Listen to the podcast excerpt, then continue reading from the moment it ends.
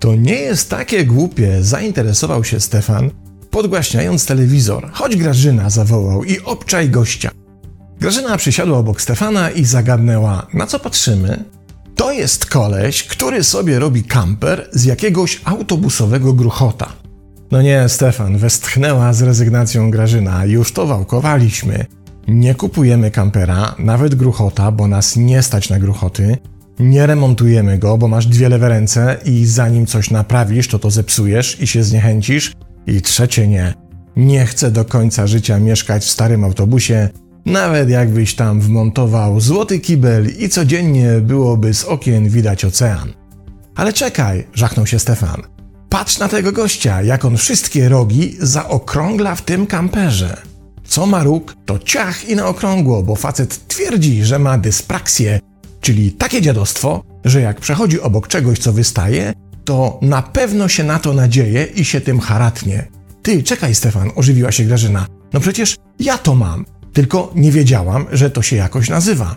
Zawsze se krzywdę zrobię, a to przez róg biurka, a to przez róg szafki, a to przez te wystające ze ściany kanciate półki. No właśnie, wykrzyknął Stefan. Od teraz też będziemy wszystko w naszym życiu zaokrąglać. Efekt zaokrąglonych zakończeń nie dotyczy jedynie bezpieczniejszego i łatwiejszego poruszania się w ciasnych pomieszczeniach, ale, na co zwrócili uwagę badacze, dotyczy również charakterystyki naszej aktywności życiowej. A mówiąc precyzyjnie tego, w jaki sposób możemy za jego pomocą ułatwić sobie funkcjonowanie lub pozostawiając to co ostre bez finalnego zaokrąglenia, znacznie to życie sobie utrudnić. Badanie przeprowadził zespół psychologów z Uniwersytetu w Nowym Jorku oraz Uniwersytetu w Hamburgu. Przedmiotem zaś samego badania był efekt zaokrąglonych zakończeń w kontekście łatwiejszego radzenia sobie z fazą życia następującą bezpośrednio po poprzedniej, tej, której dotyczył efekt zaokrąglonego zakończenia. Wprawdzie w badaniu tym wykorzystano szereg narzędzi badawczych, od pogłębionych wywiadów dotyczących jakości zakończeń kluczowych życiowych zdarzeń z przeszłości, aż po ocenę umiejętności zarządzania opóźnieniem w efekcie stropa, czyli tym, w którym badani mają wskazać w teście kolor atramentu używanych słów, a nie to, jakie kolory dane słowa opisują. Co jednak szczególnie istotne, to badawcza definicja zaokrąglonych zakończeń, która stała się fundamentem wspomnianych badań. Według niej zaokrąglone zakończenie to takie zakończenie konkretnej życiowej sprawy, projektu, zmagań czy sytuacji, które wiąże się dla danej osoby z poczuciem zamknięcia. To zaś oznacza, że dana osoba ma poczucie, iż zrobiła wszystko, co było możliwe do zrobienia, by podomykać sprawy, ukończyć coś w pełni, pozostawiając wszystkie wątki sprawy w taki sposób, w którym nic już nie wymaga żadnej ingerencji. Kiedy mamy do czynienia z tego typu zakończeniem, to poczucie niedokończonych spraw, a wraz z nim jakiś rodzaj żalu albo się nie pojawiają, albo są minimalne, ale co najważniejsze, nie są dyskomfortowe, doskwierające, czy też nie zalegają w naszej pamięci jako sytuacje, które rozpamiętujemy jako te, których zakończenie mogliśmy lepiej rozegrać. Tutaj badacze wskazują takie przykłady, jak opuszczenie swojej rodzinnej miejscowości, a wraz z nim zakończenie wielu bliskich relacji po przeniesieniu się do innego kraju czy odległego miasta. Można to zrobić bez słowa, pozostawiając wszystko i wszystkich za sobą, niezależnie od tego, jakie zaszłości były z tym związane. Ale można też podokańczać sprawy, przeprosić kogo trzeba, poddawać ewentualne długi, wyjaśnić to, co uwierało i nigdy nie doczekało się wyjaśnień, i w końcu po prostu się pożegnać. Okazuje się, że różnica pomiędzy tymi dwoma rozwiązaniami ma niezwykle istotny wpływ na to, w jaki sposób będzie przebiegało nowe życie w nowym miejscu i z jakiego wachlarza emocji będzie obsługiwane. Mówiąc wprost, im bardziej domkniętą przeszłość za sobą w takiej sytuacji zostawimy, tym sprawniej, łatwiej i z bardziej pozytywną energią urządzimy się w nowym miejscu. W badaniach okazało się, że te osoby, które dokonały zaokrąglonych zakończeń, były bardziej pozytywnie nastawione do minionego czasu, mniej żałowały niedokończonych spraw, a poczucie straconych szans nie stawało się motywatorem ich przyszłych działań. I co ciekawe, ten mechanizm działa dla wszystkich zakończeń. Sprawdzono to na przykład obserwując rozmowę, którą badacze organizowali za pośrednictwem Skype'a pomiędzy dwiema wcześniej nieznającymi się osobami.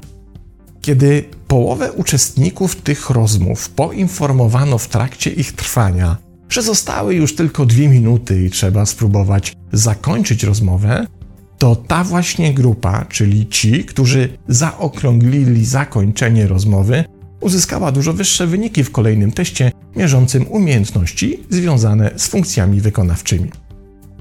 We wnioskach badań naukowcy wskazują, że to w jaki sposób radzimy sobie z zakończeniami konkretnych sytuacji czy okresów w naszym życiu jest równie istotne jak to, w jaki sposób koncentrujemy się na przygotowaniach do rozpoczęcia nowych projektów czy wyzwań. Dr Forer z Uniwersytetu w Hamburgu, która kierowała zespołem badawczym, mówi wprost, że nie warto się śpieszyć z zakończeniem poprzednich spraw, bo jeśli poświęcimy odpowiednią uwagę na zaokrąglenie ich zakończeń, to będziemy dużo lepiej przygotowani na kolejne wyzwania i będą one dla nas dużo łatwiejsze. I dotyczy to również naszych relacji, a nie tylko życiowych wyzwań. Dr Jerome, specjalizująca się w psychologii relacji, wskazuje, że problem zaokrąglonych zakończeń widać jak na dłoni w zjawisku ghostingu, które pojawiło się w odcinku 130. Kiedy nasze relacje zostają gwałtownie zerwane bez słowa wyjaśnień, czy też obracają się w konflikt, to z jednej strony zaczynamy nosić w sobie potrzebę nadmiernej koncentracji na ochronie, co utrudnia nasze kolejne związki. A z drugiej strony musimy poradzić sobie z gniewem, smutkiem i żalem pozostawionymi niejako w spadku po poprzedniej relacji. Ale ghosting, jak wiemy, jest obusiecznym mieczem, bo po stronie ghosta pojawia się niezdrowy wzorzec relacyjnych interakcji, w którym konstruowane są fałszywe oczekiwania co do relacji kolejnych, które w efekcie nigdy nie okazują się wystarczające, skazując docelowo gosta albo na wiele prób nawiązania nowych relacji, za każdym razem kończących się niepowodzeniem, lub na zanik możliwości wchodzenia w relacyjne interakcje, pojawiający się w efekcie utraty podstawowych zdolności interakcyjnych, jak empatia, umiejętność aktywnego słuchania czy wiele innych. Pozostawienie ostrych zakończeń niestety zawsze jest jednoznaczne z tym, że możemy się na nich zranić i to nawet wówczas, kiedy wydaje się, że pozostały już daleko w tyle. Ale tutaj pojawia się jeszcze jeden problem, który spróbujmy zilustrować takim oto przykładem. Oto wyobraź sobie, że wchodzisz do ciasnego i dość zagraconego pomieszczenia, w którym masz do pokonania konkretną wijącą się wśród sprzętów ścieżkę, by finalnie opuścić to pomieszczenie.